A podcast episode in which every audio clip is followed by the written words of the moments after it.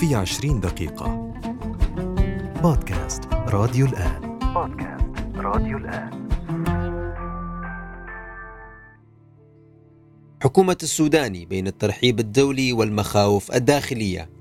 استلم محمد شياع السوداني رئاسة الحكومة العراقية الجديدة بعد ثلاثة أشهر من ترشيحه من قبل الإطار التنسيقي لتولي هذا المنصب حيث نجح الإطار التنسيقي في تمرير مرشحهم عبر البرلمان العراقي وسط ترحيب إقليمي وتأكيدات دولية على الاستعداد للعمل مع السوداني خلال المرحلة القادمة مقابل قلق وشكوك داخلي من قدرة السودان على تنفيذ وعوده وتعهداته ضمن البرنامج الوزاري وقدرته على مواجهة التدخلات الحزبية والميليشياوية.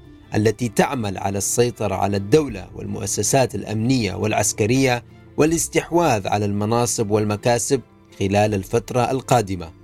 مرحبا بكم في حلقة جديدة من بودكاست في عشرين دقيقة نتحدث فيها عن تشكيل الحكومة العراقية الجديدة والشكوك والقلق الشعبي حول مستقبل أداء الحكومة وخاصة في ظل اختيار الشخصيات ميليشياوية ومجربة للمناصب والوزارات الحكومية. حصلت الحكومة الجديدة برئاسة محمد شياع السوداني على ثقة البرلمان بالغالبية المطلقة. وتتكون الحكومة الجديدة من 12 وزيرا شيعيا وستة وزراء من السنة ووزيرين كرديين ووزيرة واحدة للأقليات فيما لا تزال وزارتان قيد التفاوض بسبب خلافات الجانب الكردي. وقال رئيس الوزراء الجديد سيتصدى فريقنا الوزاري للمسؤولية في هذه المرحلة التي يشهد فيها العالم تحولات وصراعات سياسية واقتصادية كبيرة مما يضيف تحديات جديدة على بلدنا الذي يعاني أساسا من أزمات متراكمة كان لها أشد الأثر الاقتصادي والاجتماعي والإنساني والبيئي. واحتوى البرنامج الوزاري للحكومة الجديدة نقاطا عديدة أهمها بناء أدوات فعالة لمحاربة الفساد خلال مدة أقصاها تسعون يوما من تاريخ تشكيل الحكومة ومعالجة الفقر والبطالة والإسراع في إعمار المناطق المحررة من تنظيم داعش الإرهابي والانتهاء من ملف النازحين وتحسين الخدمات الصحية للمواطنين إضافة إلى الحديث عن إنهاء ظاهرة السلاح المنفلت ومعالجة الفراغات الأمنية في المناطق الإدارية بين إقليم كردستان وباقي مناطق العراق. وقد حظيت الحكومة الجديدة بتأييد وترحيب إقليمي ودولي وكان من أبرز الداعمين للحكومة طهران وواشنطن حيث كان السفير الإيراني في العراق أول المهنئين الذي كتب على تويتر نبارك التصويت على الحكومة العراقية والخروج من الانسداد السياسي الذي دام لعام كامل متمنيا التوفيق والنجاح في خدمة الشعب العراقي بكل أطيافه ومكوناته. وأضاف أن إيران كانت وستبقى داعمة لمسار الديمقراطية في العراق وتمد يد الأخوة للحكومة نحو تعزيز العلاقة الاستراتيجية خدمة للمصالح العليا بين البلدين الجارين. بينما بعث الرئيس الإيراني إبراهيم رئيسي رسالة تهنئة إلى السودان لتوليه المنصب وتشكيل الحكومة العراقية الجديدة. أما السفيرة الأمريكية في العراق فقد هنأت رئيس الوزراء العراقي الجديد محمد شياء السوداني وقالت في بيان نتطلع قدما للعمل مع الحكومة العراقية الجديدة لتعزيز أهدافنا المشتركة خلال هذه المرحلة المحورية للعراق وشعبه وشراكتنا متجذرة في الرغبة المتبادلة لرؤية عراق ديمقراطي يتمتع بالسيادة والأمان والاستقرار. بينما أكد المتحدث باسم الخارجية الأمريكية عن ترحيب واشنطن بإلتزام رئيس الوزراء بوضع الأسلحة تحت سيطرة مؤسسات الدولة الرسمية والشرعية وأن الشعب العراقي يستحق فرصة اقتصادية ووضع حد للفساد وتحسين الخدمات. وعلى الرغم من الترحيب الدولي والاقليمي بالحكومة العراقية الجديدة وتعليق الآمال في نجاحها لأخذ العراق نحو بر الأمان ومواجهة المشاكل والأزمات التي تواجه العراقيين إلا أن المواطنين في العراق تابعوا عملية منح الثقة للحكومة الجديدة بنوع من القلق مع مشاعر اليأس من التغيير وخاصة في ظل وجود شخصيات متورطة في الفساد وإدارة الميليشيات أثناء التصويت على الحكومة الجديدة إضافة إلى المعلومات التي أكدت وجود مزاد لبيع المناصب والوزارات ووصول سعر وزارة الدفاع على سبيل المثال إلى أكثر من 70 مليون دولار ما يعني عودة الفاسدين إلى المشهد السياسي والأمني من جديد والذي سيؤدي إلى ترك آثار سلبية على مستقبل العراق كما حصل سابقا. وللمزيد حول هذا الموضوع نتحدث مع الباحث والمحلل السياسي العراقي كاظم ياور ونسأله أولا ما هو أسباب الترحيب الإقليمي والدولي بحكومة السيد محمد شياع السوداني على الرغم من أن الأحزاب التي دعمت السوداني هي التي حكمت سابقا وأخذت العراق نحو مزيد من التفكك والإنهيار والعزلة الدولية؟ بالنسبة للترحيب الإقليمي والدولي بحكومة السيد محمد شياع السوداني آه، أرى أن هذا الأمر آه، قد آه، تم أو تسير بمسارين اثنين. المسار الأول الترحيب الإقليمي والدولي تأتي للحكومة القادمة حكومة محمد شياع السوداني.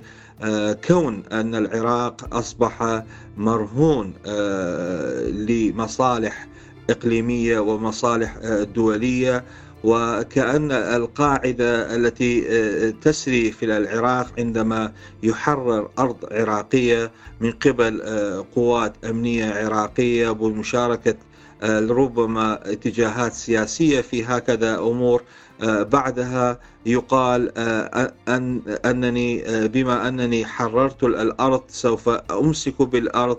فكذلك الاتجاه الإقليمي والدولي مع الأسف الشديد كأنهم يقولون أننا شاركنا في إزاحة النظام السابق وكذلك تحرير العراق من جماعات إرهابية كداعش وغير داعش. فالعراق أصبح آه، مصالح مصالح تلك الدول أصبح آه، آه، يعني لابد من تطبيقها وتنفيذها لهم بعيدا عن تحقيق مصالح أبناء الشعب العراقي في هذه المجال. والمسار الثاني وهو ليس براجح. الأول أرجح من المسار الثاني ولكن هناك بعض التوجهات السياسية من قبل الدول يعني يريد بأن يسير عملية السياسية إلى إلى بر الأمان أو إلى منطقة أخرى بحيث أنه سوف يقوم محمد شياع السوداني ب إذا صح التعبير بإنقلاب أبيض على الكتل السياسية وأحزاب السياسية آه، عندما يعبر آه، آه، بحكومته إلى تلك المنطقة سوف ينقلب على ينقلب على الكتل السياسية في البرلمان العراقي ويتجه باتجاه برسم سياسات وطنية وعودة إلى يعني إلى أحضان الشعب العراقي ويقترب من الشعب العراقي عن طريق اتخاذ قرارات حكومية جريئة آه، وطنية من شأنها آه، تكون آه، مرضية للشعب العراقي ولأطراف الدولية لأن المراد منه في هذه المرحلة الدعم الديمقراطية والشفافية وإعادة الثقة للشعب العراقي بالعملية السياسية فهذه تعتبر يعني نقطة جوهرية إذا قام به السيد محمد شياع السوداني.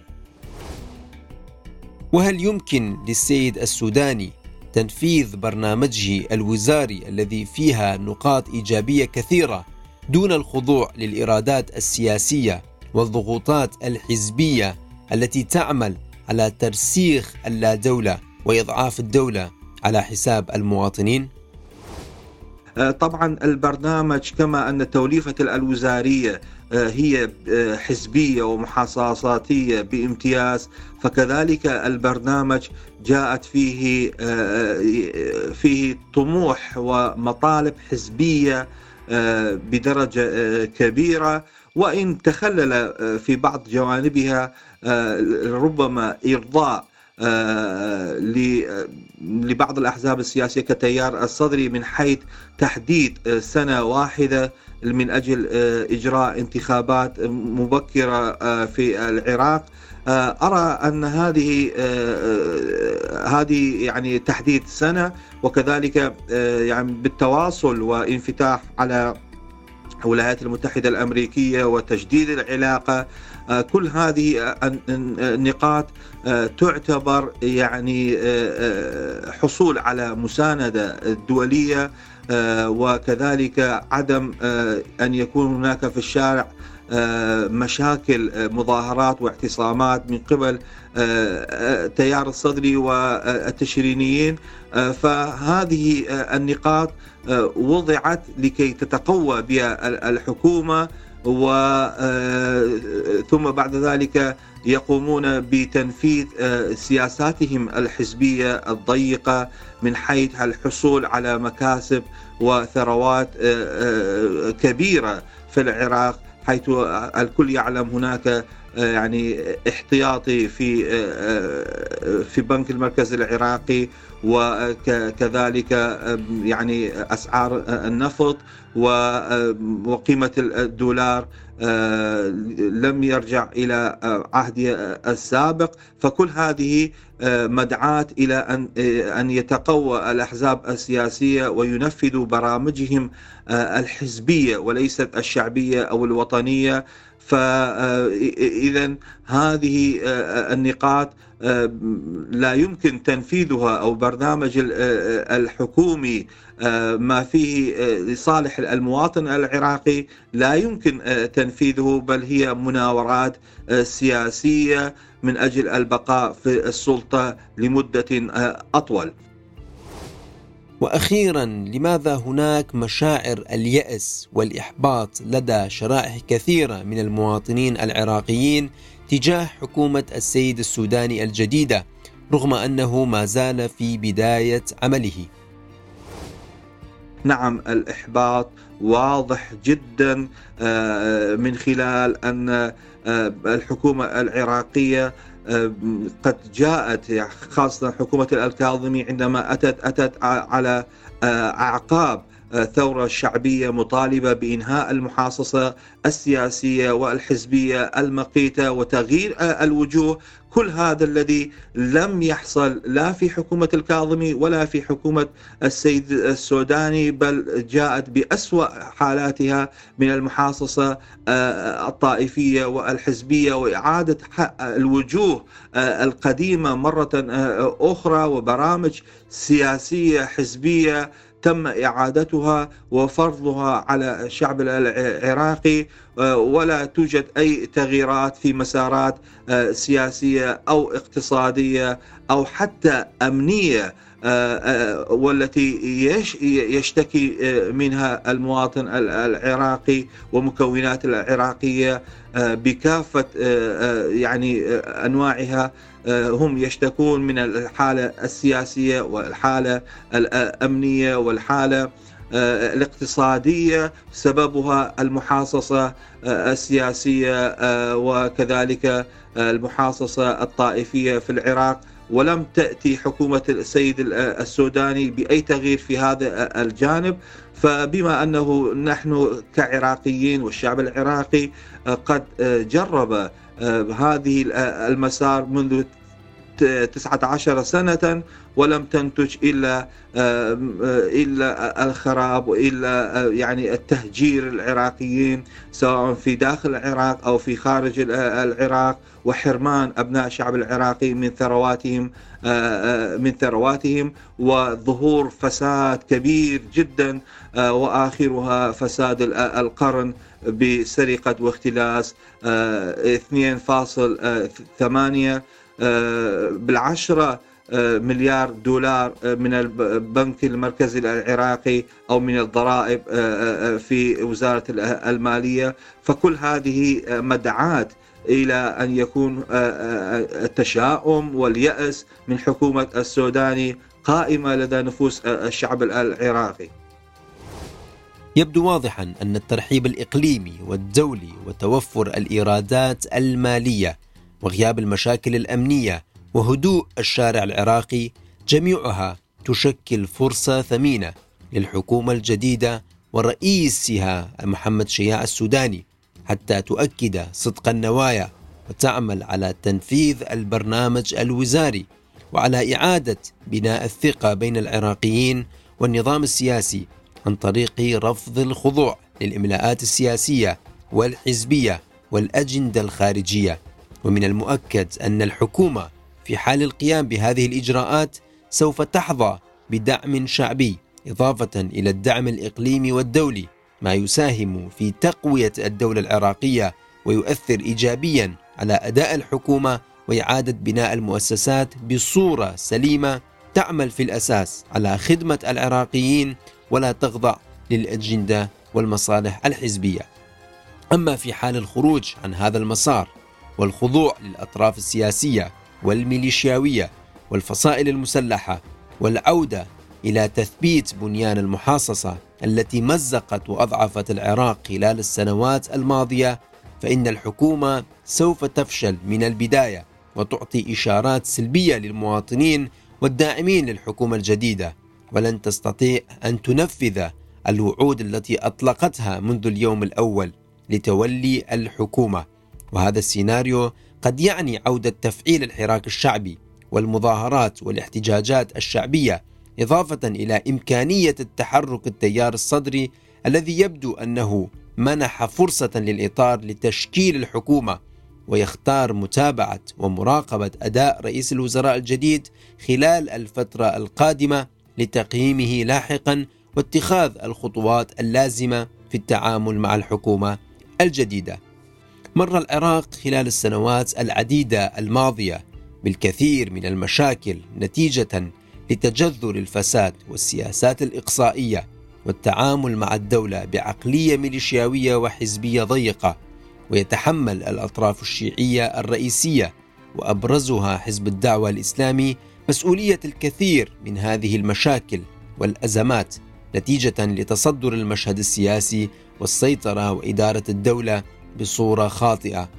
واليوم يعود الحزب إلى السلطة عن طريق محمد شياع السوداني ودعم المالكي الكبير والواضح له للوصول إلى هذا المنصب.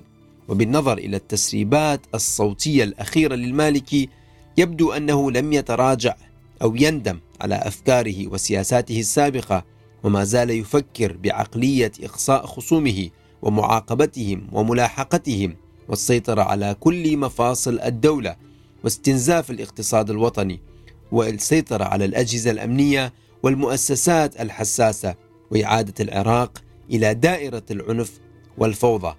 من الضروري على الأطراف السياسية إدراك أهمية التغيير والاستجابة لمطالب المواطنين وعدم التعويل على الهدوء الذي يمر فيه الشارع العراقي والذي يترقب أداء وفعالية الحكومة الجديدة ومدى جدية الأحزاب السياسية لإجراء التغييرات الضرورية والتلبية للحد الأدنى لمطالب الشعب واحتياجات المواطنين وفي حال الفشل من تحقيق هذه النقاط فإن الحراك الشعبي قد يعود مجددا لتكرار مطالب تظاهرات تشرين والإصرار على تحقيقه على أرض الواقع لبناء دولة قوية وإعادة الوطن وضمان حقوق الأجيال العراقية القادمة. على الحكومة العراقية الجديدة برئاسة السيد محمد شياع السوداني أن تدرك جيدا أن الدعم الرئيسي والحقيقي هو دعم العراقيين والشعب العراقي ولا يمكن التعويل على دعم وتأييد الأطراف والأحزاب السياسية التي من الممكن أن تتخلى عن رئيس الحكومة في أي لحظة إذا شعرت أن مصالحها تتعرض للخطر كما فعلت مع رئيس الوزراء الأسبق عادل عبد المهدي. ومن الممكن للحكومة الجديدة وبناء على توفر الكثير من فرص النجاح لهذه الحكومة في مهمتها أن تقدم نموذجا مختلفا للإدارة والحكم وتعيد اكتساب ثقة العراقيين وتمهد لبناء رموز وطنية قادرة على إدارة البلاد خلال الفترة القادمة.